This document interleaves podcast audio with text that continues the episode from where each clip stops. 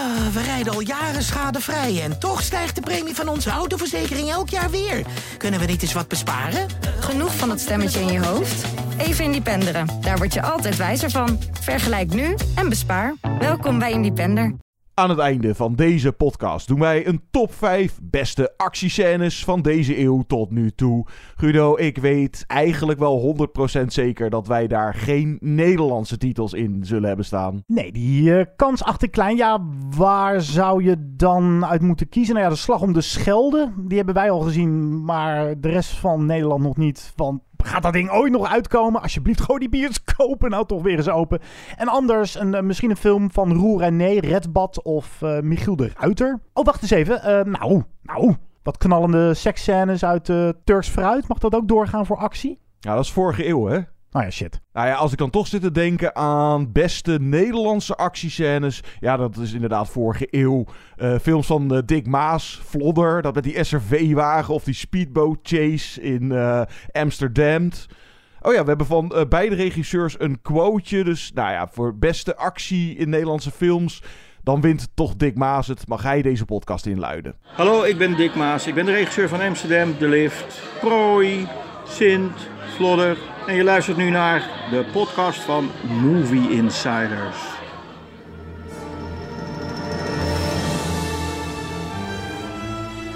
Good evening, ladies and gentlemen. We are tonight's entertainment. Movie Insiders. They're here. Why should I waste my time listening? Because I have a right to be. I have a voice. Groovy. De bioscopen blijven nog even dicht. Ik heb het gevoel dat ik in een time loop beland ben. Hallo allemaal, leuk dat je luistert naar deze nieuwe aflevering van de filmpodcast Movie Insiders. Die je kan vinden op het AD en op Spotify, Apple Podcast, Google Podcast. We zitten op Facebook. Vind, like, deel ons daar. Twitter met ons at Movie Inside. Mijn naam is John. En mijn naam is Guido. Je kan ons ook een e-mail sturen. movieinsiderspodcast.gmail.com Time loops. Jawel, daar gaan we weer. We hadden eerder dit jaar The Map of Tiny Perfect Things. En nu op hetzelfde streamingplatform overigens, Amazon Prime Video, nog een Groundhog Day clone. Klinkt een beetje oneerbiedig. Palm Springs met onder meer Andy Samberg, die inderdaad elke dag opnieuw beleeft. De top 5. Wij refereerden er in het begin al even naar. Het is de top 5 beste actiescènes van de eeuw tot nu toe. Want anders dan kom je weer nou, op de usual suspects uit. Dus even kijken wat we sinds 2000 aan gaaf spektakel hebben gezien. En dat doen we dan naar aanleiding van... Ja, hier komen we toch niet helemaal onderuit, John. Hij kwam eerder uit Justice League uit 2017. Inmiddels bestaat er een iets langere, iets langere versie. Hij duurt slechts vier uur. Dit is Zack Snyder's Justice League. Met Superman, met Wonder Woman, met The Flash, met Cyborg, met Steppenwolf. Mis ik er nog één? Batman, Aquaman. Superman. Oh, die heb ik al genoemd. Over loops gesproken. Zeg John, um, heb jij ook zo'n moederdoos? Nee, ik kom uit een moederdoos. I have turned worlds to dust. All of existence shall be mine.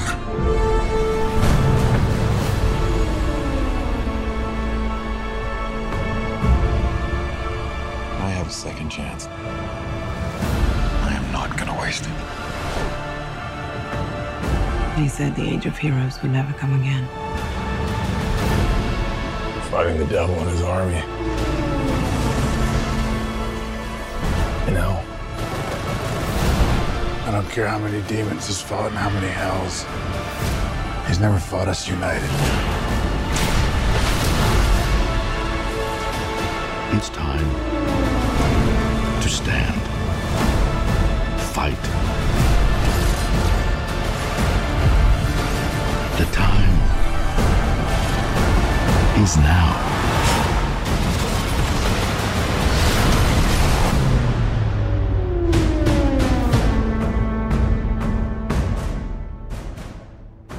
Het moest het antwoord van DC Comics en filmstudio Warner Brothers worden op de populaire Avengers films van concurrent Marvel. Het werd het alom verguisde Justice League uit 2017. De hele geschiedenis achter dit project is voer voor een boek of misschien wel een film. Korte samenvatting: regisseur Zack Snyder, die eerder de ook niet bepaald lovend ontvangen, doch succesvolle Man of Steel en Batman v Superman maakte, kon vanwege familieomstandigheden zijn film niet voltooien. De studio had geen geduld en huurde Joss Whedon in, nota bene de regisseur van de eerste twee Avengers-films, om de boel af te maken. Af te maken. Je zou er bijna een complot bij kunnen bedenken. Rewrites, reshoots, de componist werd vervangen. Luister vooral ook naar het interview met Junkie XL in onze vorige podcast. De digitaal weggeschoren snor van Superman. Het resultaat was het slechts twee uur durende zootje uit 2017. De groep van fans en critici met de populaire hashtag Release the Snyder Cut op social media werd de afgelopen jaren zo enorm dat de studio uiteindelijk overstag ging en we nu dus de maar liefst vier uur durende versie hebben. Het verhaal is uiteraard grotendeels hetzelfde.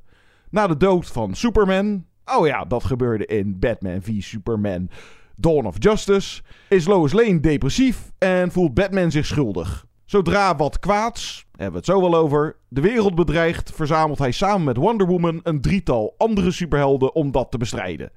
Die drie komen zo ook wel ter sprake. Maar laten we hier eens mee beginnen, Guido. Jij hebt de versie uit 2017 nooit gezien. Kan je aan deze zien dat er van een potentiële chocoladetaart een drol is gemaakt? Of waren de ingrediënten om te beginnen al een hoop stront? wow. Mag ik eerst even terugkomen op wat jij eerder zei? Want ik heb dus die vorige kat niet gezien. De snor van Superman digitaal weggepoetst? Ja, er moest voor een reshoot Henry Cavill, die dus Superman speelt, moest weer ingevlogen. Volgens mij was hij die tijd bezig met de opnames van Mission Impossible Fallout, Oh. dat hij die snor had staan. En die Ah. is toen heel lelijk eh, door de computer eh, weggeschoren. Zag er niet uit. Nou, dat is dan ook een beetje het grootste probleem van deze film, vind ik. Het woord digitaal is hier het toverwoord. Het oogt te digitaal, het voelt te digitaal. Maar goed, eerst antwoord geven op jouw vraag. Laat ik het zo zeggen. mm, je hebt een hele hoop superhelden in één film. En niet à la Marvel een hele lange aanloop naar de apotheose, die Avengers. Daar zijn ze dan allemaal, want we hebben ze allemaal uitgebreid kunnen leren kennen in eerdere titels. Hier heb je uiteraard ook wat eerdere films gehad, maar sommige personages zijn toch redelijk nieuw en die worden er ineens in de blender geflikkerd. In dat opzicht vond ik deze film redelijk coherent verteld, wat je er ook van vindt. En kan ik me voorstellen dat dat in een twee uur kortere versie meer een zootje zou zijn en meer verwarrend. Maar ja, ik moet eigenlijk die vraag aan jou stellen. Je, stelde hem aan mij omdat ik hem niet heb gezien, maar ik ben vooral benieuwd of jij het een verbetering vindt. En zag je nu inderdaad een film met meer ademruimte? Ja, dat sowieso. En dat dit beter is dan die versie uit 2017. Ja, dat is ook niet zo heel erg moeilijk. Nou, die twee uurs versie. Nou, daar gingen ze vooral. Ik denk dat de studio daar echt de overhand in heeft gehad. voor het nou, popcorn entertainment. En nu dat ik deze zag, herkende ik wel weer het een en ander. Van, oh ja, dat gebeurde er. Maar ik ben eigenlijk die hele film van, eh, wat is het, drie, vier jaar geleden compleet vergeten. En ja, dan krijg je dit als alternatief. Inderdaad, een wat fijner, coherenter geheel. Dat zeker. Eh, en dat opzicht dus iets beter alternatief. Kijk, hij is veel te lang. Dat is duidelijk. Ik zat me ook wel af te vragen van... Zou hier weer een kortere versie nog weer beter van zijn. Van om en nabij de drie uur.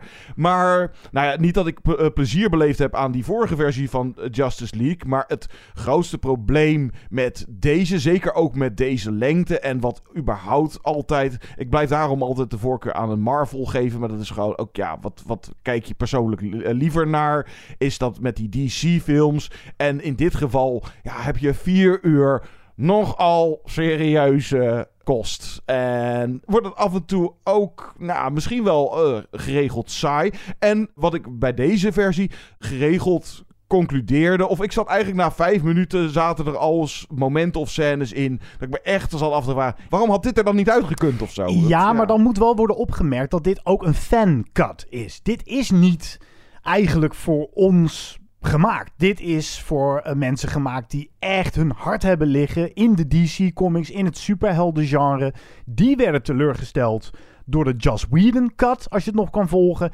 En die, ja, die zullen happen en hier blij mee zijn. En die zijn er ook blij mee. Getuigen een hoge notering gelijk in de IMDB top 250. Ik, weet jij hoe hoog? Ik, Ja, hij staat er in ieder geval nog in. ja, dat is toch... eh, hè, daar staat hij toch inmiddels tussen de Godfathers en de Shawshank Redemptions van deze wereld. Maar goed, dat is een eh, discussie voor een ander Ja, moment. Fanboys. Fanboys. nou ja, ik vind het ook daarom een beetje flauw om deze film... dat heb ik al gedaan. eh, lees mijn recensie op ad.nl. En ja, daar werd ook een beetje giftig op gereageerd. Door inderdaad de mensen die echt fan zijn. En ergens vind ik het ook lullig om ze te schofferen. Maar ik vind Ja, wij als... zijn geen fanboys, dus wij moeten dit gewoon zien als ja, filmcritici. En wat vinden wij hiervan? Ja, nee, en als filmliefhebber. Kijk, ik wil, is dit een goede film? Daar wil ik een antwoord op geven. En laat ik het zo zeggen. Er zit godzijdank niet zoiets debiels in als bij Batman v Superman. Die hebben de hele tijd ruzie en besluiten het bij, eh, bij te leggen. Als ze erachter komen dat hun beide moeders dezelfde voornaam delen. Wacht even, heet jouw moeder ook Martha? Nou, dan zijn we weer vriendjes. Dat was zo debiel en zit zo in mijn hoofd geprent als een van de meest achterlijke plotlijntjes uit een blockbuster van nou, deze eeuw tot nu toe. Dat zit hier in ieder geval niet in. En ze krijgen allemaal, alle helden dan, genoeg screentime. Maar het zijn gewoon... Dat is ook niet zo moeilijk met vier uur. Nee, maar het zijn gewoon geen plezierige personages om naar te kijken. Ik vind Batman, Batfleck, oftewel eh, Ben Affleck Ik speelt dat hem. ja, hij doet het wel oké, maar ik, ik, ik heb hem gewoon nooit geaccepteerd als Batman of zo. Nee, ja, is- maar hij is zo'n vreugdeloos figuur. En ja, ik weet het, dat is de bedoeling. Want het, eh, Bruce Wayne, zijn alter ego is Batman, maar hij natuurlijk eigenlijk Bruce Wayne is een verveelde, veel te rijke vent, eenzaam. Maar jeetje, maak hem dan interessant vreugdeloos. Ja, of charismatisch vreugdeloos. Juist, inderdaad. En, en hier, nou, godzijdank heb je dan... Nou, Wonder Woman heeft genoeg charisma van zichzelf. Oké, maar Aquaman... ja. Aquaman heeft heel weinig te doen. Die treft op een gegeven moment onder water nog een familielid... gespeeld door Willem Dafoe.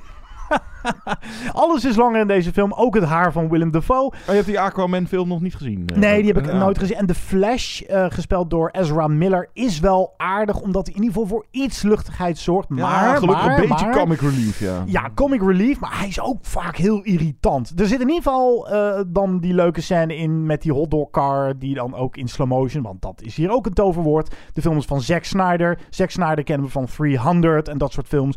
Daar is alles in, in slow motion. Die heeft een slow-mo fetish. Die heeft zeker een slow-mo fetish. Dat vond ik nog wel een aardige scène. Zelfs de hotdogs vliegen in slow-mo door de lucht. En de Flash die daar dan eh, doorheen kruipt. Er zitten wel best veel scènes. eh, nou, de Flash heb ik het zo wel even over. Kijk, op zich eigenlijk de plot of het verhaal is redelijk recht toe recht aan. Of eigenlijk nogal simpel. Of ik ben, ja, ben ook niet zo thuis in de comics. Misschien eh, mis ik van alles. Maar nou, je hebt een bad guy. Dat is dan hier een Steppenwolf. Dat is een handlanger van dan een soort Thanos-figuur. Waar ik me niet van kan herinneren. Die zat volgens mij dus niet in die eerdere, kortere cut. En Steppenwolf niet. Nee, Steppenwolf wel, maar die eh Darkseid of zo. Ja. Die soort Thanos. Ja, dat is in, het begin heel verwarrend, want Steppenwolf die moet weer verantwoording afleggen aan iemand boven hem. En die heeft ook weer iemand boven hem. En dat is dan weer Darkseid. Nou ja, ja, Of, nou zo- zoiets. En hij moet dan een eh, drietal moederboxen, eh, ofwel Infinity Stones, eh, soort van eh, verzamelen. om Oeh, nu dan, worden ze eh, echt boos. boos, de fanboys. Ja. Maar dan eh, heb je dus die, nou, laten we even zeggen, die drie nieuwe helden. En dus ten opzichte van eh, Marvel is het bij DC was het zo dat die niet eerst hun eigen solo-film hadden. Dat had je dus ook al met Wonder Woman werd geïntroduceerd in eh, Batman v Superman. En kreeg pas daarna haar eigen film. Dus nou ja, toen kreeg je de Justice League en dan Aquaman, Cyborg en The Flash. Zien we voor het eerst verschijnen. Kijk, nu dat je deze versie ziet, heeft in de tussenliggende tijd Aquaman wel zijn eigen film gehad. En nu in deze langere versie wordt, eh nou, Cyborg, die krijgt wel een soort van origin story. Of daar, die eh, is ook wel eh, van belang, ook voor het plot. En daar wordt wel iets meer aandacht aan besteed. De Flash is ook echt een prominent figuur in deze film. Maar daar blijft het wel gewoon, ja... je moet maar gewoon weten wie dat is. En Ja, zijn maar vader... dat accepteer je dan ja, ook wel zijn vader redelijk. zit dan blijkbaar in de bak. En hoe die, nou, hoe die zijn krachten, geen idee. Want we hebben geen eh, solofilm. Maar hij, hij is snel, punt. Hij is heel snel, maar ja, dat is ook niet echt nieuw. Want we hebben eerder al bijvoorbeeld Quicksilver gezien in de X-Men films. En daar had je ook al datzelfde gave effect. Ook hier zorgt dat echt wel voor een paar gave scènes. Dat alles in ultra slow-mo gaat en hij er gewoon rustig doorheen kan wandelen omdat hij zo snel is. En dan zien we het vanuit zijn perspectief. En dat is gaaf. En dat hij een keer struikelt. Ja, dat soort dingen. Of dat zwaard van ehm, Wonder Woman, geloof Ja. ik, zo'n puntje geeft met zijn... tikkie, eh, ja, dat, En dan, ja, en, dan, en hebben we nog dus de Amazones van Wonder Woman en de Atlanteans van Aquaman. En überhaupt spoilers kunnen we niet van spreken, want de, de film bestond al, soort van. Eh, Superman wordt dus weer tot leven gebracht. Superman eh, is, weet nog niet zo goed dat hij Superman is. Of hij is een soort van... Hij herkent wel Batman en is boos. Hij is boos dat ja. hij weer tot leven... Het, het lijkt wel alsof je iemand met een gruwelijk ochtendhumeur om vijf uur 's ochtends hebt wakker gemaakt. Ja, en dan op zich dat onderlinge knokpartijtje is dat best nog wel een aardige actiescène. Maar kijk, het grote verschil nogmaals tussen Marvel en DC, of laat ik zeggen met Avengers, is ja, het plezier wat je daaraan beleeft. En voor mij heeft Marvel altijd, of altijd, zo goed als altijd, die goede mix van actie, humor en drama. En die DC-films, en dat zie je dus ook bij deze weer, zijn gewoon anders en se- serieuzer van toon. En hier krijg je dan misschien wel door die vier uur lengte een beetje een overkill. En, en ik zal me ook, eh, ondanks dat ze het wel aardig doen, maar zat ik me te bedenken van al in de loop der jaren alsof Marvel alle goede of leuke acteurs al gekaapt had. En was het echt zo van, ja, wat is er dan nog over? Ja, Gal Gadot is eh, charismatisch en een leuke verschijning. eh, en, en Amy... Dan maar Ben Affleck. Dan maar Ben Affleck. En Oh. ja, ik weet niet eens wie die acteur is die eh, Cyborg speelt. Eh, Jason Momoa is op zich een aardige of logische casting voor een Aquaman. Maar is eh, nou ook niet een A-acteur of zo. Amy Adams is wel een A-actrice. Maar nou, dat heeft ook gewoon met haar rol in dit verhaal te maken. Die loopt vooral heel depressief eh, na de dood van Superman telkens een bakje koffie aan een politieagent te geven. Ja, maar dat, dat zijn wel een beetje de meest gênante momenten. Lois Lane en dan haar schoonmoeder Martha Kent. Dat zijn echt twee ontzettend passieve keukenmeiden. Kijk, deze film zakt voor mij niet echt in qua ehm, ritme. Als het gaat om actie en dan weer wat rustig en dan weer een actie. Dat, dat is redelijk oké. Maar waar je me wel in verliest is in de esthetiek van deze film. Ik ben lelijk, gewoon geen ja. grote fan van de visuele aanpak van Zack Snyder. Ik Op- vind hem op vaak... Watchmen na. Dat is Ja, eigenlijk nee, de nee, enige wat echt werkt. Ja, oké, misschien. Ja, daar heb jij een zwak voor voor Watchmen. Prima, die moet misschien maar weer eens aanzetten. Maar ik vind het zo'n overdaad aan pathos. Overal staan uitroeptekens achter. Overal hangen donkere wolken boven. Elke uitgesproken zin. Het is ook echt lachwekkend dat zo'n Steppenwolf... bijna uit een kinderlijke eh, cartoon... En nu ga ik het universum veroveren. Ah. Weet je, dat zijn echt letterlijk... Zo'n karikatuur Ja, maar dat zijn letterlijk de monologen in deze film die je constant hoort. En dat vier uur lang, dat begint op een gegeven moment heel erg te vermoeien. Net als, wat ik al zei, dat gewichtloze. De hele film voelt voor mij echt te digitaal aan als een soort van PlayStation spelletje. En ik, het is al nooit leuk als je zelf het spelletje niet speelt en je kijkt naar iemand die gamet, daar is geen hol aan. Tenminste, ik vind daar geen hol aan. Dat vond ik vroeger als kind ook al niet leuk als mensen mochten Mario Kart. Ja, en ik zat... geen, nu wil ik weer. Ja, nu wil ik die joystick in mijn hand. Geef mij die pad. Dat is hier ook een beetje dat idee. Maar ik denk dat ik daarom ook de enige echt gave actiescène vond in Londen met Wonder Woman en die grote groep of klas kinderen. Omdat het even in de, ja, in de echte wereld afspeelt. Of met echte mensen zonder wezens en zonder dat je het gevoel hebt dat ze ergens op een krater of een vulkaan staan te vechten met z'n allen. Dat er dus heel veel CGI in zit, is ook wel weer te verklaren. Omdat er.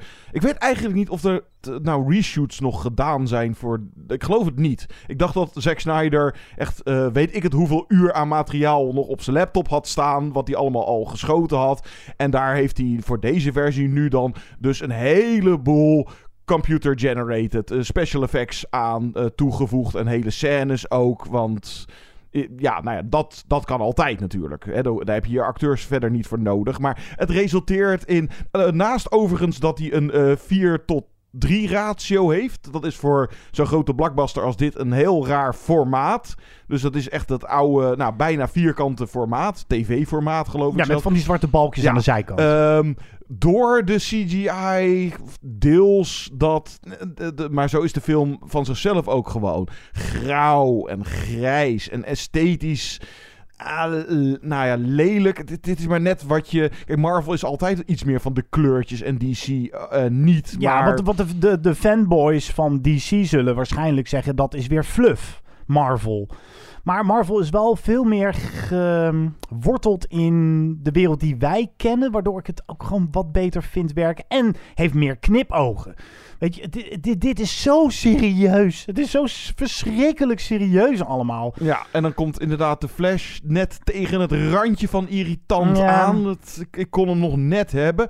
Dan is de film ook nog eens onderverdeeld in iets van zes hoofdstukken. Het plan heeft nog even bestaan om het als miniserie uit te brengen, maar... Ze hebben het uiteindelijk toch maar als één hele film gereleased. En dan eindigt de film met een kwartier fanservice. Waar onder meer dan de Joker. Maar het is toch een droomstuk. Het is- eh, Geen idee. Het, eh, eh, daar heb ik niks aan, dat laatste kwartier. Dat, dat vond ik eigenlijk alleen maar verwarrend. En is dat nou een opzet naar toch een mogelijke sequel? En wie de fuck is dat dan? En oh ja, Jesse Eisenberg was Lex Luthor. En het, eh, ik, toen, eh, toen was ik er echt wel klaar mee tegen die tijd. John, het zal de fans aan hun reet roesten. En wie zijn wij om ze dat plezier weg te nemen? Ja, oké, vooruit. Maar ik vond het eh, toch wel een zware zit. Deze Snyder doesn't know how to cut.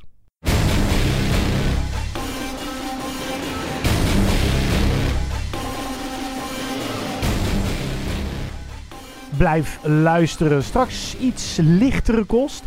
Eh, Deze duurde 4 uur. Palm Springs, die we zo gaan bespreken, duurt nog geen 90 minuten. Kijk, ah, heerlijk, heerlijk. En we doen een top 5 beste actiescènes van de eeuw tot nu toe. Even een muzikale overbrugging. Ja, Junkie XL, onze Hollander, Tom Holkenborg, deed een compleet nieuwe soundtrack voor deze film. Luister inderdaad naar ons interview met Junkie XL in de vorige podcast. Nou, stukje van zijn soundtrack. Blijf luisteren.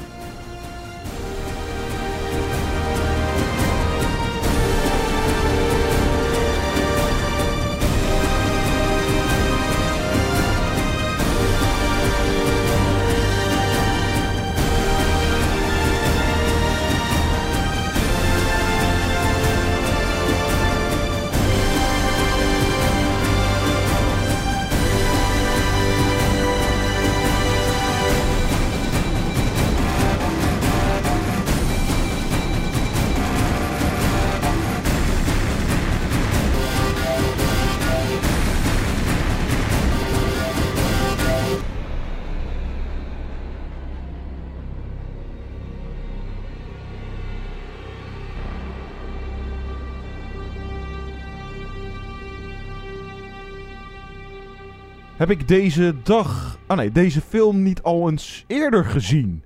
Dit is Palm Springs. It's gonna be a beautiful wedding. I don't think that we met. I'm Sarah. Niles. Nice. Niles? Don't come in here. What It's gonna be a beautiful wedding. It's one of those infinite time loop situations you might have heard about. The second you fall asleep, it all just goes back to the start. Well, then what's the point of living? We kind of have no choice but to live. No, I'm gonna get out of this. See you tomorrow.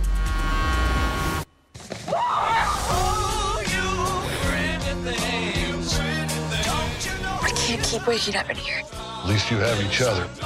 Everything that we are doing is meaningless. Good day so far? Today, tomorrow, it's all the same.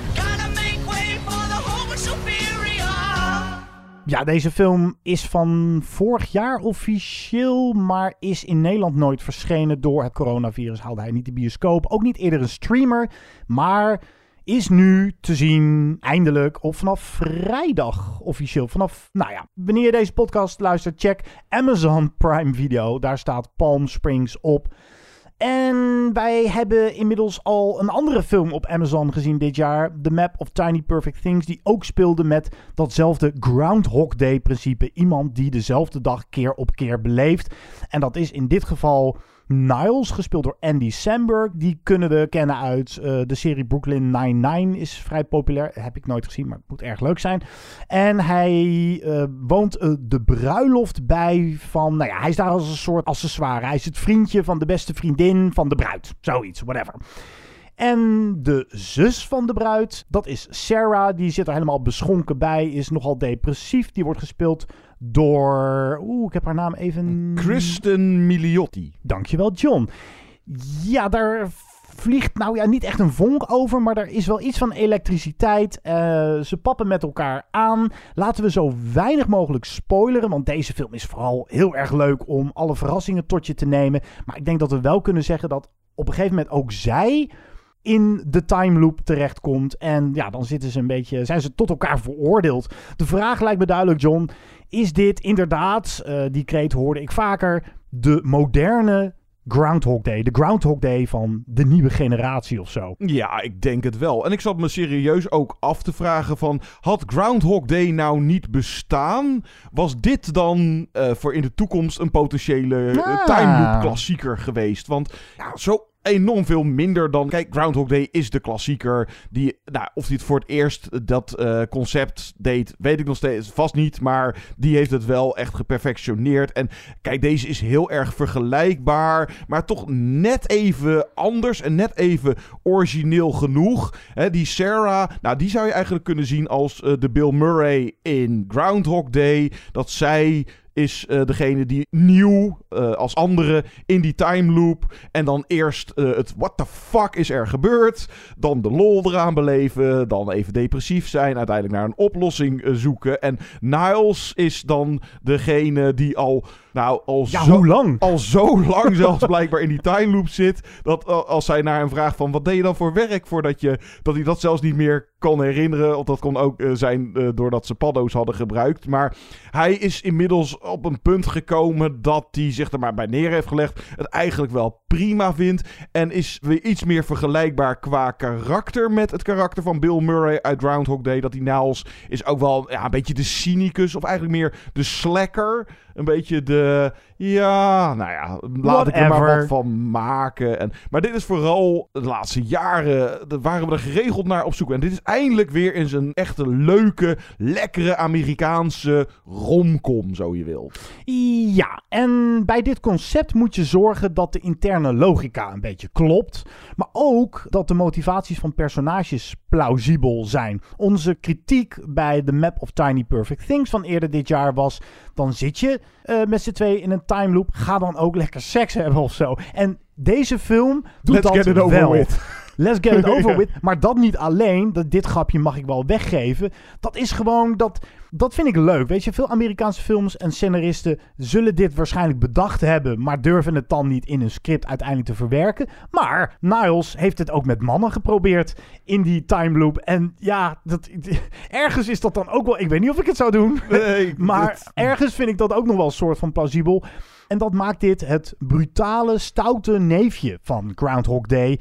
Met echt een paar goede, stevige seksgrappen ook. En ook dat is lang geleden. Dat we een beetje een ondeugende Amerikaanse romcom hadden. Ja, die een beetje durft te schuren. Dat, eh, Ja, dat zeker is als je. Ja, zeker als je naast die Map of Tiny Perfect Things, wat toch een beetje de Hallmark-versie hiervan is, ja, is deze is erg geinig. Ik heb er een paar keer goed hard om gelachen. En het heeft een fijne vibe, ook door de setting. Het, nou, Palm Springs, eh, wat is het, Californië, eh, zonnig. Zo voelt de film ook aan. En lekker beetje kleurrijk. En dan heb je een goede chemie tussen deze twee eh, Absoluut, hoofdrolspelers. En een leuke bijrol van J.K. Simmons, waar we verder niks over zullen zeggen. Maar he's got some anger issues. En, en de lengte is echt inderdaad lekker. Dat je anderhalf uur hebt en dat het gewoon anderhalf uur eigenlijk ja, perfect is. En met, met gewoon een fijn tempo. En het concept en de karakters zijn goed uitgewerkt. En er worden echt ook best wel wat zinnige punten aangehaald over... eh, nou ja, wees blij met wat je hebt of accepteer het versus verder moeten gaan met je leven. Of dat je je verleden of je bagage altijd meedraagt. eh, of je moet juist nog groeien of altijd blijven groeien in het leven. Er wordt Ja. niet zo heel erg de nadruk op gelegd, maar er zijn wel wat van die gesprekjes ook eh, tussen de twee. Ja, mocht je dit concept nou nog een keer in een film gieten, wacht er sowieso even tien jaar mee, want nu weten we het wel. We hebben eerder ook Edge of Tomorrow gehad, trouwens een hele alleraardigste actiefilm met Tom Cruise. Ja, en een horror die ik nog niet zag. Dat Happy Death Day, geloof ik, Ja, of zoiets. ja, de, de laatste jaren heb je een, eh, een handvol eh, Groundhog Day klonen gehad. En dan is dit toch wel de fijnste. Dit is de fijnste, maar eh, tot nu toe hebben ze allemaal... Nou ja, bij Edge of Tomorrow ligt dan de focus op actie. En hier en Groundhog Day ligt dat veel meer op humor. Misschien, als je het nog een keer zou willen doen... Misschien kun je iets meer op het filosofische gaan zitten. Want dat vind ik ook wel interessant. En hier zit het ook wel in verstopt. Inderdaad, wat jij zegt. Maar ook het principe dat als je vastzit in zo'n loop... Dat je je perspectief op het leven maar beter kan veranderen. Welke levensfilosofie hanteren om met deze eeuwige situatie het beste om te kunnen gaan. Dat zit er ook leuk in verstopt. Ik vind eh, trouwens Andy Samberg een heerlijke acteur. Ik vind haar nog beter. Die wil ik echt gewoon meer zien. En ja, inderdaad, J.K. Simmons, daar moeten we niet te veel over zeggen. Maar ik zei het bij Map of Tiny Perfect Things, daar moet ik nu op terugkomen. Echt bijna alle vondsten die je kan maken met dit concept zit erin. En helaas, dat is nu eenmaal zo. Groundhog Day bestond al en bestaat al lang. Je hebt nu eenmaal ook heel veel déjà vu moment van ja, dit is gewoon gejat van Groundhog Day. Namelijk bijvoorbeeld dat... Ja, de zelfmoorden krijg je hier dan niet te zien zoals in Groundhog maar- Day, maar hij heeft het er wel over. Nou, ja. Niles die dan in het begin van de film precies weet bij dat huwelijksfeest welke danspasjes de gasten aan het maken is, zodat hij daar tussendoor kan kruipen en drankjes van iemand anders kan overnemen. Het blijft wel leuk. Het blijft wel leuk. Ja, er is eigenlijk gewoon helemaal niks mis aan deze film. Die ik dus echt nog wel geregeld zal gaan zien. Ja, dit, dit, dit heeft een lekkere rewatchability gehalte. Iedere dag gaat misschien wat ver. Nou ja, misschien de ene dag dan Groundhog Day en de andere dag dan deze. John, jij zag ook nog een andere film. Ik had hem eigenlijk ook moeten zien. Ik heb eh, verzaakt. En dat terwijl die. We gaan van heel lang naar steeds korter. Deze, deze film duurt een half uur. Ja, je attendeert me erop. Laten we dan even de Human Voice aanhalen. De staat op Pickle. Een korte film van de Spaanse cineast Pedro Almodovar. Die eerder Dolor y Gloria, Hable con ella, Todo sobre mi madre en zo Voltaire. maakte. Bolder. En... Ja, waarom? Het is maar een half uurtje. Ik weet het. Ja, ik, ik heb Kijk andere dingen even te in de doen. in het trein hier naartoe of zo, weet je. Met eh, Tilda Swinton. Het is eigenlijk, nou ja, een one-woman show. Maar, eh, en overigens, er zijn dan drie eerdere films met Tilda Swinton... die ook op Pickle gereleased worden. Twee eh, van haar met, die ze maakte met de Italiaanse regisseur Luca Guadagnino... en Only Lovers Left Alive, die vampierenfilm van Jim Jarmusch. Die is gaaf. En dit gaat over Tilda Swinton, die in haar appartement, wat overigens, het is echt een set, het is een soundstage waar het zich eh, dan afspeelt. Zij wacht op haar ex-geliefde. Zijn koffers staan al klaar en zijn hond zit op hem te wachten. En dat nou, moet hij komen ophalen. Dan belt hij haar en het overgrote deel van het half uur beslaat het nou, telefoontje. Ze, ze heeft dan van die AirPods in de, in de oren en zij spreekt met hem. En dan wordt duidelijk, of krijgen we vooral te zien haar wanhoop en haar rusteloosheid, haar sarcasme over nou, de situatie en eh, over die relatie. Het is gebaseerd op een toneelstuk van Jean Cocteau, die ook ooit eh, films maakte. eh, La Belle et la Bête, de oude versie uit 46 is dat geloof ik. En wat ik dus zeg, ja, een eh, one-woman eh, show. Het is Tilda Swinton. Als je niet tegen haar kan, eh, dan zou, heb ik je hier een niet, probleem. zou ik hier niet aan beginnen. Maar wij zijn fans van haar, Ja, toch? Ja, zeker. En ik ben ook fan van Pedro. En dit is ook wel echt duidelijk Pedro Almodovar. Met dus, nou ja, het is een soundstage. Maar alle de meubels en de jurkjes zijn bekende kleuren. En thematiek als een verlaten, wanhopige vrouw. Dat is ook wel een beetje zijn ding. Het is een eh, fijn tussendoortje. Zeker goed, ja, go- goed gespeeld en ook wel eh, goed gefilmd. Het is misschien alleen een gevalletje, ja, wat ik hier nou verder mee moet. Het is voor de afwisseling eh, ook leuk om eens een keer een korte film van hem. En ik zou dit als full length gewerkt hebben of uitgewerkt kunnen. Nou, nou, dit is misschien gewoon fijn voor wat het is. Het half uurtje. Zet het eens aan op Pikkel, de Human Voice. Nou, ga ik hem op de terugweg in de trein kijken. Nou, straks dus die top 5 beste actiescènes van de eeuw tot nu toe. Waar gaan we eventjes mee op adem komen, John? Muzikaal Even gezien. een stukje van de score van Palm Springs van componist Matthew Compton.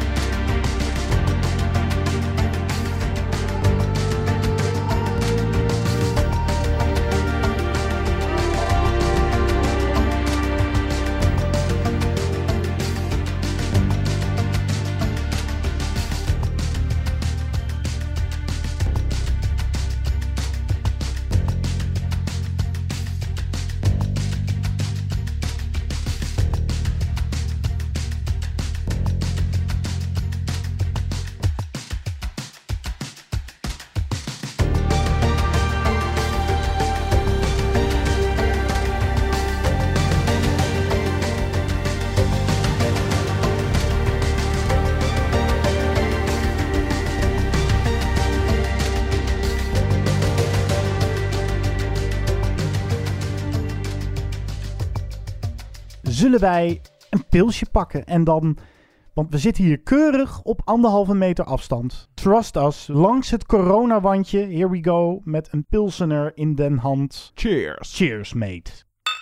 De top 5 beste actiescènes van deze eeuw tot nu toe. Aanleiding Justice League. Nou, die actiescènes. Nou, oké. dat eh, Staat niet op de kaart. Nee, konden er wel mee door. Ik heb, nou ja, toevallig, het, het, kwam zo uit. Vijf verschillende soorten scènes ook. Of, nou, scène, soms moet je de slash sequentie, want sommige zijn nog wel eens lang. Ik weet niet, heb jij echt korte of ook wel... Hmm, het is maar hoe je het bekijkt. Ik ga het zo uitleggen. Wat ik eh, wel interessant vind, Tim Geurts, vriend van de show, op Twitter. Want we stelden ook jullie luisteraars de vraag: wat vinden jullie de beste actiescène van de eeuw tot nu toe? Kregen we mooie responses op. Daar gaan we er eh, straks een aantal van behandelen. Maar Tim die zei. Oh, interessante gedachten zijn de actiescènes minder goed geworden deze eeuw. En dat, ja, er wordt natuurlijk meer met de computer gewerkt. Er komt meer uit de computer gerold. Heel veel is al eens gedaan, val je in herhaling.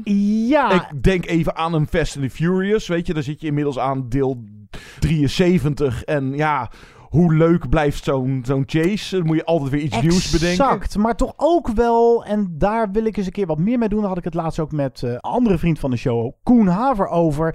Waarom komen die actiescènes die vooral CGI gedreven zijn, die je vooral in, nou bijvoorbeeld Zack Snyder's Justice League ziet of in een Marvel Avengers, eh, whatever. Waarom zijn ze zo gewichtloos? Waarom komen die klappen niet aan? Waarom voel je het niet in je onderbuik? Dat moet toch te maken hebben met de computeraanpak. En ik ben daarom, eh, en dat is niet eens zo heel bewust gegaan, maar het is me opgevallen dat dit allemaal eh, in mijn lijstje keuzes zijn van de oude school, iets meer. Ja, mij ook. Nu dat ik er zo naar kijk. Ja, ik ben ook, ik ben ook niet zo van die CGI-festijnen. Laat ik dan maar voor mijn nummer 5 gaan voor echt ouderwets stuntwerk. En waarin ook een stuntvrouw centraal staat. Namelijk van Quentin Tarantino, Death Proof. Daar zit een hele lange chase in tussen twee auto's. Je hebt de bad guy, Kurt Russell. Het duurt trouwens heel erg lang voordat eindelijk die chase begint. Maar daar kennen we Tarantino om. Je kan de iets kortere versie zien in de combinatie met... Hoe heet dat ding? Planet Terror. Planet Terror, inderdaad. En nou ja, goed. Grindhouse. Ik zou bijna zeggen...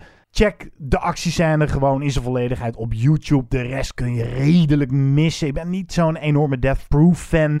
Maar Kurt Russell was de bad guy in een hele stoere auto. Een andere auto met een paar chicks. Die willen echt wraak op hem gaan nemen. Uh, die wraak die krijgen ze. Het gaat wel echt een heerlijke scène. En de stuntvrouw in deze is Zoe Bell. Die zit wel in meer Tarantino-films. Dat is leuk van Tarantino. Dat is de filmnerd die ook dat soort mensen wat meer de ruimte geeft. En ze dan ook echt een personage laat spelen. Nou, zij gaat op een gegeven moment echt op de auto uh, liggen, op de motorkap. En het is allemaal echt. Er is volgens mij geen computer aan te pas gekomen. Het wordt ook heerlijk gefilmd en oldschool. Weet je, niet ook te veel zwierende camerabewegingen, maar gewoon even erboven en dan weer even de zijkant. En ja, het is wat het is. En deze voel je wel degelijk in je onderbuik. Lekker. Over Tarantino gesproken. Volgens mij werd hij ook genoemd op Twitter. Uh, Kill Bill, The Bride versus The Crazy Eight. Ja, ik heb hem net niet in mijn top 5 gezet. Misschien ook omdat hij op Twitter werd genoemd. Maar mijn nummer 5, uh, eh, nou sowieso voor deze top 5. Vaste luisteraars zijn er allicht bekend mee. Ik ga veel in Azië belanden. En ik had dus uh, nou, vijf verschillende soorten actiescènes. dit betreft de schietpartijen slash shootouts. Hebben we ook, ook een keer een, top 5 gedaan gedaan, best wel lang geleden. Toen had ik John Woo daarin staan. De uh, ja, regisseur van nou, The Killer en uh, Hardboiled. Van die Heroic Bloodshed. Cinema uit uh, China, of nou, eigenlijk meer Hongkong. En die actie, of die schietpartijen van hem, die zijn vaak nogal over de top. En balletuitvoeringen zijn ja, het. Ja, bullet ballads wordt het ook nog wel eens genoemd. En na deze eeuw, uh, John Woo heeft dan nog wel dat Red Cliff, maar die heeft niet echt meer van die actiefilms, of in ieder geval geen geslaagde actiefilms. Ik uh, ga dan naar Johnny To. Die zijn, nou ja, opvolger. Uh, hij begon niet zo heel veel later dan John Woo met films maken. Maar die heeft ook die visuele flair en dat gestileerde. Dus die bullet ballads. Of ballets. Ballets, ja, ja. goed, ja. Twee election films of Exiled bijvoorbeeld. Maar dat zijn wel films nog van, uh, die zijn van deze eeuw. Maar in de loop van zijn, ik heb ze echt niet allemaal gezien, maar werd het allemaal steeds wat rauwer, of in ieder geval zeker wat realistischer dan wat we van John Woo zagen. Dan ga ik uiteindelijk voor uh, de shootout in Zan of Drug War uit 2012. Het duurt om en nabij de 10 minuten.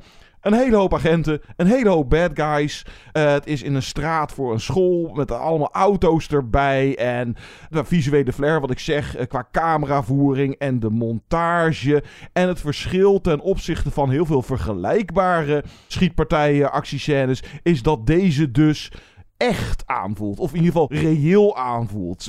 Uh, als ik deze zie, en uh, sowieso is het gewoon echt een hele gave actiescène. En het gaat ook maar door en het gaat ook maar door. Maar als ik deze zie, dan heb ik het idee van... Ja, als er zo'n schietpartij zou plaatsvinden, dan gebeurt dat inderdaad zo. Niet er worden 100 kogels op je afgevuurd en er worden er 99 gemist. Nee, er wordt op je geschoten. Pang! Auw, je bent neergeschoten. Dat, maar het is echt een kikke actiescène uit Drug War. Ja, mijn nummer vier is, ja, dat is, is het echt een actie? Ja, het is een actiescène, maar het is niet een hele snelle actiescène met heel veel poppetjes die elkaar proberen neer te maaien of dat soort zaken. Ik moest wat kiezen, vond ik, uit de Mission Impossible reeks. Ik ben een groot fan van Mission Impossible, juist omdat Tom Cruise zo stoer is om de stunts vooral zelf uit te voeren. En of zo gek is. Of zo gek is. Nou, misschien moet je wel bij de Scientology-kerk zitten om dit te doen. ik, kan toch, ik kan toch niet dood, of ik ben toch een alien, of wat, ik weet niet wat ze exact. Exact, zoiets. Nou, misschien moeten we er dankbaar voor zijn, want het levert heerlijke, duizelingwekkende stunts op. En dan vind ik toch nog steeds de lekkerste uit Mission Impossible Ghost Protocol die zijn op die immense toren op Dubai. En ja, wat daar gebeurt, alles wat je kan bedenken met een hoge toren, je hangt aan een draadje en dan een misstap en dan, dan vliegt hij even los en dan gebruikt hij hem als een soort van, nou, uh, hoe zeg je dat, zo'n uh, liaan à la Tarzan. Er zit ook heel veel humor in. En ja, ik heb deze scène gezien op het grote IMAX-doek een keer. En dat was wel echt letterlijk en figuurlijk adembenemend. Moet je geen uh, vertigo hebben. Holy shit. Ja, echt onwijs gave scène. Ja, is het een actiescène? Het is meer een suspense scène of zo. Kijk, er zit veel meer in Mission Impossible. Ik had ook kunnen gaan voor uh, nou, Fallout. Die, die, die laatste chase met die helikopters is heel gaaf. Uh, je hebt ook een motor chase in Rogue Nation die fantastisch is. En ook in Fallout door Parijs. Eigenlijk hierbij stiekem genoemd hebben gewoon de hele reeks. Misschien op uh, nou, die tweede na, die kun je wel overslaan. Ja, van John Woo. Er zit ook nog wel een aardige motor chase in. Ja, jawel, ja. Maar Ja, die, die John zijn, Woo kan wel acties eh, ja, maar die zijn hyper gestileerd. Ja, en, en dat past niet helemaal bij... Juist, dat vind ik het mooie van Mission Impossible. Is het, het is wel een beetje dat ambachtelijke. Mijn nummer 4. Even korte uitleg. Tot voor kort hadden wij het Movie Insiders Museum. Daar stonden een, nou, laat ik zeggen, twintigtal titels in. Die wij in het verleden in top 5 zo vaak genoemd hebben. Dat we ze in de, nou ja, strafhoek of in het museum hadden gezet. Van daar mochten we niet meer aan zitten. Voor eh, als we een nieuwe top 5 deden. Daar zijn wij laatst van afgestapt. Omdat het, het idee is wel leuk, maar eigenlijk ook een beetje nou ja, debiel of, of werkt niet. Want zo deden we heel recent een top 5 beste zwarte comedies aller tijden. En dan had Dr. Strangelove er dus niet ingemogen. eh wat de beste zwarte comedy aller tijden is omdat hij dan in het museum staat. Zo deden wij vorig jaar ook een top 5 massascènes. Naar aanleiding van die eh, nieuwe Mulan-release. Eh, daar stond deze toen niet in. Ik en nu kan heen gaat. die al lekker wel uit de ja, minste. Dat klinkt altijd zo stom. De minste Lord of the Rings film. Want daar kan je niet van spreken. Uit The Two Towers. The Battle of Helm's Deep. Is dit ook... Ja, dit is van velen en denk ik ook wel mijn favoriete Lord of the Rings ja, scène zet ik ook mijn vraag. Sequentie. Sequentie, want het wordt dan afgewisseld met nou, Frodo en Sam, die zijn ergens anders. En Merry en Pippin, die zijn met die bomen aan het rotzooien. En, eh, dus ja, maar oké, eh, gewoon de hele Battle of Helm's Deep, of in ieder geval een eh, deel daarvan. Kijk, je hebt in Return of the King de nog grotere Battle of Minas Tirith, die misschien net iets te... Daarom eh, gene- geniet die nooit mijn voorkeur. Net iets- misschien ook iets te CGI.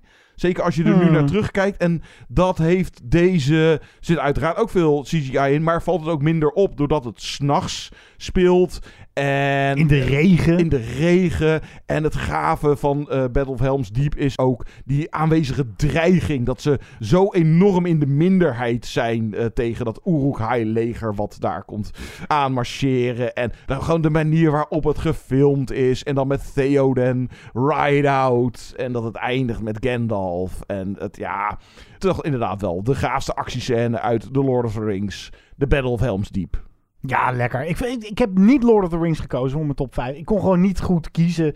Ik heb wel een zwak hoor voor die laatste battle eigenlijk. En Jawel, ja, eh, nee, maar het is wel aardig om te zeggen. Er er zit ook heel veel CGI in. Maar het is ook weer net hoe je met computer special effects omgaat. Of Ja, zo. alleen als het echt niet anders kan. Ja, dat. Maar ook esthetisch gezien vind ik The Lord of the Rings bijvoorbeeld veel mooier dan wat Justice League laat zien. Gewoon qua kleurenpalet, qua nou, camerabewegingen, dat soort zaken. Ik, ik, dat leefde voor mij veel meer. Dat was veel meer toch het, het gevoel alsof je echt in een ander universum zit. Ik ga voor mijn nummer drie naar een animatiefilm. Dat vind ik altijd een beetje gek. Maar ja, het, fijne van animatie is, en een goede animatie maakt er ook gebruik van, zeker in het actiegenre, is dat je alles kan doen. Alles. Het maakt niet uit. Ook op Twitter werd genoemd Spider-Man Into the Spider-Verse. Er zitten een paar van die fantastische scènes in, actiescènes, die alleen eh, getekend kunnen worden. Want dan krijg je echt een hele grote CGI-overkill als je dat in het echt zou willen doen. In het echt, tussen aanhalingstekens. Maar ik ga voor The Incredibles van Pixar. Er zitten een aantal mooie scènes in, maar die slotscène, dat Dash, dat kleine jochie, heel hard kan hollen. Ja, het is niet de slotscène, maar dat, Nee. dat slotscène is dat ze tegen die eh, robot gaan vechten. Ja, dat is, dat is waar ook. Helemaal eh, dat ze weer terug zijn in de stad. Ook een aardige actiescène. Ja, maar deze is echt, deze is fantastisch. En je hebt eh eh Flash, hebben we eerder genoemd, die kon ook heel snel zijn. En hier, wat vooral ook heel erg leuk is aan deze, is dat Dash zichzelf ook verbaast en er zo'n lol aan beleeft. Op een Oh, ik kan, zo, ik kan over water rennen. ja, verrek, dit lukt mij. En, maar het is ook, ja, de camera, hoe noem je dat nou? De, de, de, de digitale animatiecamera, oftewel de choreo, de animatiechoreografie, laten we het zomaar omdopen, is ook echt heerlijk. Die vergezichten, dat, het speelt zich af op een, ja, een beetje James Bond-achtig eiland van een bad guy. En ah, deze is echt ook heerlijk. Als deze weer eens in die bioscoop gaat draaien, dan wil ik hem alleen nog voor die scène weer opnieuw gaan zien. Nummer 3. De vechtpartij. Mano a mano. Serbuan Mout 2. Berandal. Ofwel de Raid 2. De Indonesische knokfilm, zoals jij dat noemt. Uit 2014 van regisseur Gareth Evans. Zo'n gevalletje, daar zou ik deze top 5 wel mee kunnen vullen. De modderbak, uh, het moddergevecht in de bak. Het clubgevecht, die, uh, het gevecht in de auto tijdens die car chase. Uh, het gevecht wat voor deze zit, maar ik ga uiteindelijk voor het keukengevecht uh, uit de Raid 2. Daar komt echt geen einde aan ja, trouwens. dat duurde wow. bijna 10 minuten. De, de hoofdrolspeler Iko Uwais tegen een van de handlangers. En dit gaat er ook echt erg bruut aan toe. En er vloeit flink wat uh, bloed. Dit is, ja, als je het over martial arts en echt wat meer ook van deze tijd. Want tuurlijk, martial arts, dat, dat gaat al, nou, zeven uh, decennia al mee of zo. En dit is wel echt andere martial arts gevecht dan dat je in de jaren 70, 80 hebt. Dit gaat er echt goed hard aan toe. De Raid 2. Ja, gaaf. Ik ga nu ook naar Azië. Het zou mij verbazen als je hem niet in je lijst hebt staan. Maar mijn nummer 2 moet toch zijn Crouching Tiger, Hidden Dragon. Die kan trouwens nog net, want die is uit het jaar 2000. Goddank. Stond hij eerst ook in het museum trouwens? Ja, die stond ook in het museum. Ja, huppakee. Je mag weer meedoen. Wat fijn. Ja, we zijn allebei echt onwijze vaandeldragers van Crouching Tiger, Hidden Dragon. Eigenlijk introduceerde deze film mars het martial arts genre, als je het zo noemen wil, aan het grote publiek. Deed ook vol mee met de Oscars. Verloor helaas daar van Gladiator, maar won wel een, een handjevol beeldjes. Waaronder voor camerawerk en voor het uh, ge, nou, geweldige muziek ook van Tandoon. Ja, en dan zijn er twee scènes. Ik kan me herinneren dat de eerste scène, dat ze echt door de lucht vliegen, zo s'avonds over die daken springen. Dat was echt adembenemend. Maar in de loop der jaren, en deze film heb ik heel vaak gezien, is toch mijn favoriet geworden. Ja, dat, dat zwaardgevecht tussen Michelle Yeoh en Zhang Ji. Twee pittige tantes die tegenover elkaar staan. En dit is gewoon een meesterlijke, uitmuntende actiescène. Ik zou niet weten wat daar beter aan had gekund. En het leuke is, ze hebben een heel arsenaal aan soorten zwaarden en... en... Zhang Zi, die heeft uh, het zwaard. Ja, de Green, Green Dragon of zo? Green Destiny. Oh, de Green Destiny. Ja, en het speelt zich af in de dojo van Michelle Yeoh. Juist. En die heeft daar inderdaad, ja, alles wat maar voorhanden is, pak ze telkens. En dat Green Destiny is zo'n goed zwaard, die hakt alles telkens oh, door het midden. is zo goed, het is zo goed. De en choreografie en ja. Ja, die choreografie en ook hier is de camera echt perfect. Ook weer niet te, maar ook weer afwisselend genoeg, waardoor je echt met een open muil zit te kijken. Ja, dit is echt een van de beste actiescènes ever. Categorie voor mij nummer 2, de achtervolgingen, de chases. Daar hebben we zelfs ooit een hele top 10 uh, verspreid over Oh, twee ja. podcasts. En dat was een van de aanleidingen daarvoor toen. En nou, die kan dus nu mooi in deze top 5. Mad Max Fury Road. Bam. Van 2015. De beste actiefilm van de tientjes? Denk het toch wel. Ja, daar sluit ik me helemaal bij. Welke van de drie eh, moet je dan... eh, nou, ga ik toch wel voor die laatste. Met nou, al die auto's en die trucks en die... Ja, wat zijn het? Palen waaraan mensen in de... En dat gaat heen en weer als een soort... Hoe heet zo'n ding? Eh, zo'n vogeltje wat dan... of zo'n zo'n tik-tik... eh, hoe heet dat nou? het, heeft een, het heeft een naam.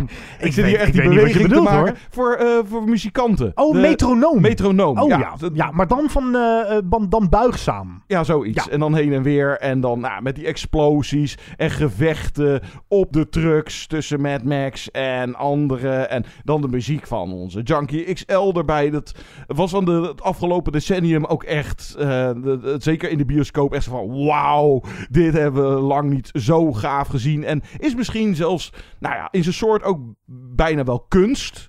Ja. Ook gewoon ook hoe dit gechoreografeerd is. Met de cameravoering van bovenaf en, en alles. En ja, dit is gewoon sowieso een actiefilm die je kan blijven kijken. En deze actiescènes, hoe vaak je ze ook ziet, je blijft er gewoon echt van smullen. De allerlekkerste, Mad Max Fury Road. Ja, het is mijn nummer één. Dit is echt een inkoppertje. Weet je wat altijd zo grappig is? Deze film snoerde critici de mond die altijd roepen... Ja, al die actie, er moet ook een goed verhaal in zitten. Deze film maakt er eigenlijk korte metten mee. Het verhaal, eh, of laat ik het anders zeggen, de actie is de plot. En deze film doet ook verder niet heel veel moeite voor een plot. En de plot die erin zit en de karakterontwikkeling vindt zich ook af tijdens de actiescènes. In dat opzicht wordt actie tot kunst verheven in Mad Max Fury Road. Een film die puur visueel of audiovisueel, laat ik inderdaad Junkie XL ook nog een veer in zijn reet steken, werkt. Weet je, het is bijna als een stomme film, waarin het alleen maar gaat om beweging en hoe die beweging in beeld wordt gebracht. Ja, dat is film puur zang. Dit is inderdaad de film die je honderd keer kan blijven kijken. Ik heb inmiddels ook de zwart-wit versie, hoe heet het? De, de Black and Chrome Edition. Ja, was net zo lekker. Ook heerlijk. Maar ik, mijn voorkeur gaat dan net uit naar die kleurenpracht daar in die woestijn. Dus de kleurenversie zet ik dan net iets sneller aan. Ja, eh, ik moet dan eigenlijk ook een keuze maken. Jij bent gegaan dan voor de slot battle, om het maar zo te noemen. Laat ik dan gaan voor de eerste actiescène voordat die zandstorm... Um... Ja, dat die enorme tornado eindigt. Ja, en dat dus Max ook gemuilkorfd aan de voorkant van een van die auto's uh, vastgebonden zit. Het is echt fantastisch, jongens en meisjes. Wow.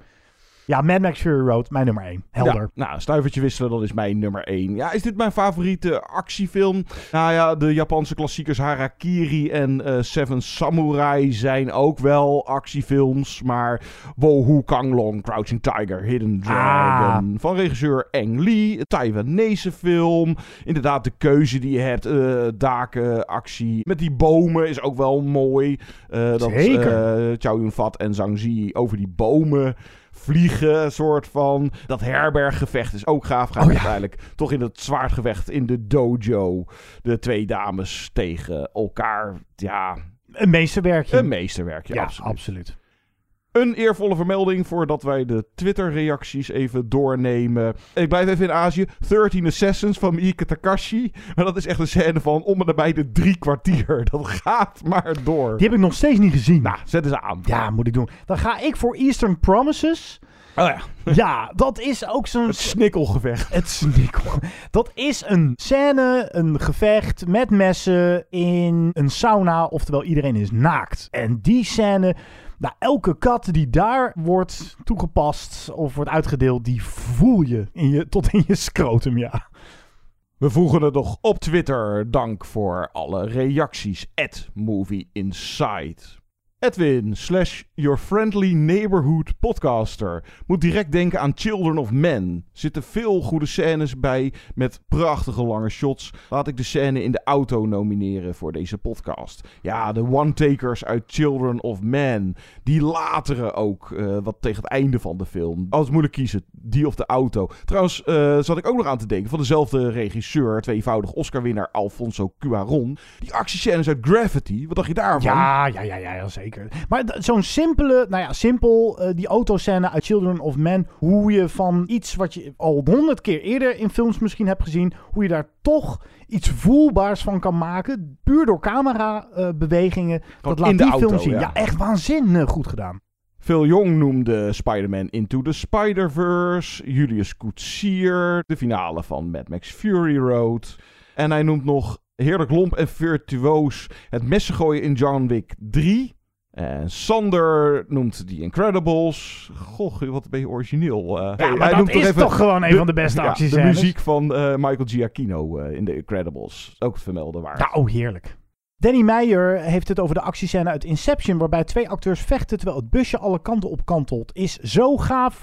Ze hebben toen een volledige 360 graden kantelbare set gebouwd om deze scène zo authentiek mogelijk te maken. Ja, dat is een gaaf scène. En hij noemt ook even vals spelen en een kleine shout-out geven naar uh, The Winter Soldier en het Ninja Quality messengevecht. Je kon het hele gevecht heel intens volgen op de manier waarop het gefilmd was. Liftgevecht in uh, Winter Soldier. Ja, we hebben het hier trouwens over Captain America The Winter Soldier, ja. die Marvel film. Ja. Dat is een van de weinige Marvel films waar de gevechten echt uh, gefilmd waren wat meer oldschool. Dus echt wat rauwer en wat bruter aanvoelde. Ten opzichte van inderdaad, het meeste komt uit de computer gerold. Kai van Zoelen, die zegt, die in Death Proof, dankjewel, is heel goed. Maar die in Motorway zijn minstens zo sterk. Qua hard en virtuoos komt Split 2.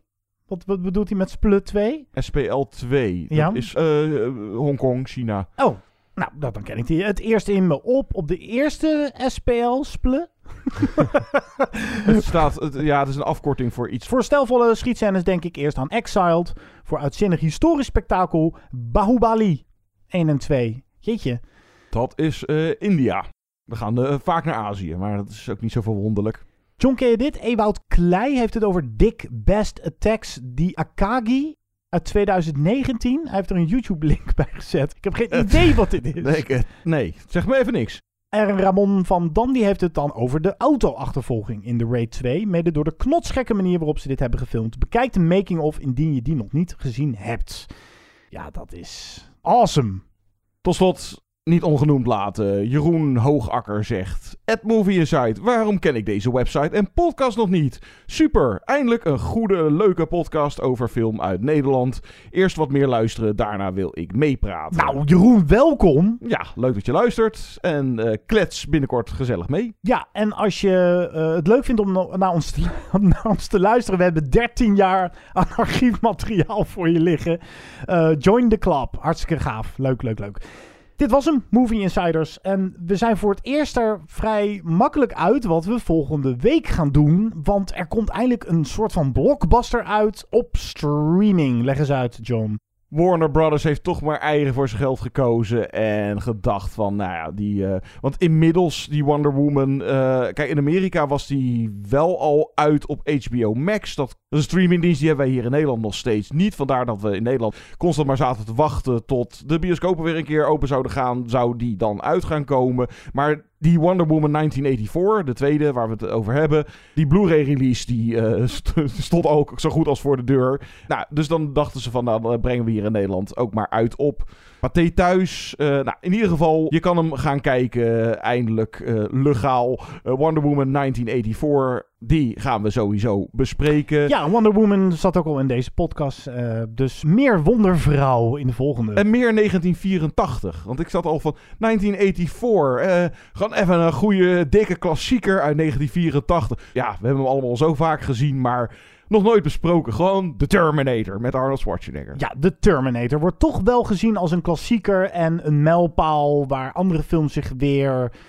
Uh, of een leentjebuur van speelde. Het is toch wel een, toch, een toch, landmark. Ja, leuk om eens te kijken ja. hoe die 37 jaar later, hoe die nu bevalt. En de grap is dat wij volgens mij Terminator 2 al wel eens eerder hebben besproken in deze podcast. Ja, we hebben wel eens dat gedaan in combi met de carrière van Arnie. En dan doen we een top 5 typisch jaren 80. En hoe we dat gaan invullen, nou, daar gaan we nog eens even over nadenken. Maar typisch jaren 80 elementen in films. Schiet je nu al iets binnen waarvan je denkt dat moet zeker in dat lijstje worden opgenomen? Je kan op verschillende manieren ons bereiken door bijvoorbeeld een reactie achter te laten op bijvoorbeeld movieinsiders.nl. Maar je kan ook met ons twitteren. Zo bleek dus net. Movie Insight. Vind ons op Facebook. Deel en like ons daar ook vooral. En stuur eens een e-mailtje. movieinsiders.podcast.gmail.com We zijn uiteraard te vinden op het AD. En op Spotify, Google Podcast, Apple. Waar eigenlijk niet. Instagram, uh, TikTok. TikTok en Instagram. Ja, als iemand zin heeft om voor ons een uh, account te maken en bij te houden, meld je vooral op een van de eerder genoemde platforms. Keer dus volgende week terug naar ad.nl voor een verse Movie Insiders podcast met Wonder Woman 1984, The Terminator en eh, typisch jaren 80. Laten we eruit gaan met muziek van die, ja, bam, The Incredibles, Michael Giacchino. Lekker. Tot de Heerlijk. volgende keer. Ciao mensen.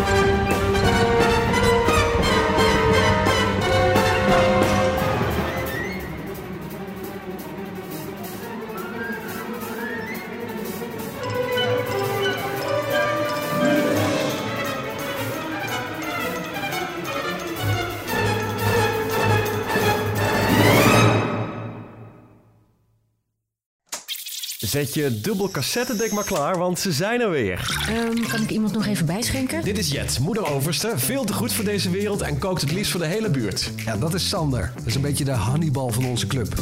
Beetje degelijke huisvader hoor. Manuel, soms een tikkeltje jaloers, vooral op sportieve veertigers en op mensen die niet in het uber saaie Hilversum wonen. Jij zegt, Wietske, ons groentje, die nog het liefst elk weekend in de lampen hangt. Maar met twee jonge kids het alleen licht ziet worden met Duplo en Nijntje. Gezellig jongens, zullen we beginnen? Elke zaterdag een nieuwe aflevering van de podcastserie De Veertigers. Te beluisteren via ad.nl slash De Veertigers, alle podcast-apps en sites van PZC, Brabants en Eindhovens Dagblad, BN De Stem, Tubantia, De Gelderlander en De Stentor.